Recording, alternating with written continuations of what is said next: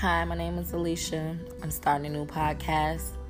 This podcast will contain trauma, adult content, suspense, um, love. Basically, this is the true story. The names of the characters were different from the characters in real life. You guys just give me a lot of feedback, hopefully positive feedback, and let me know what you think.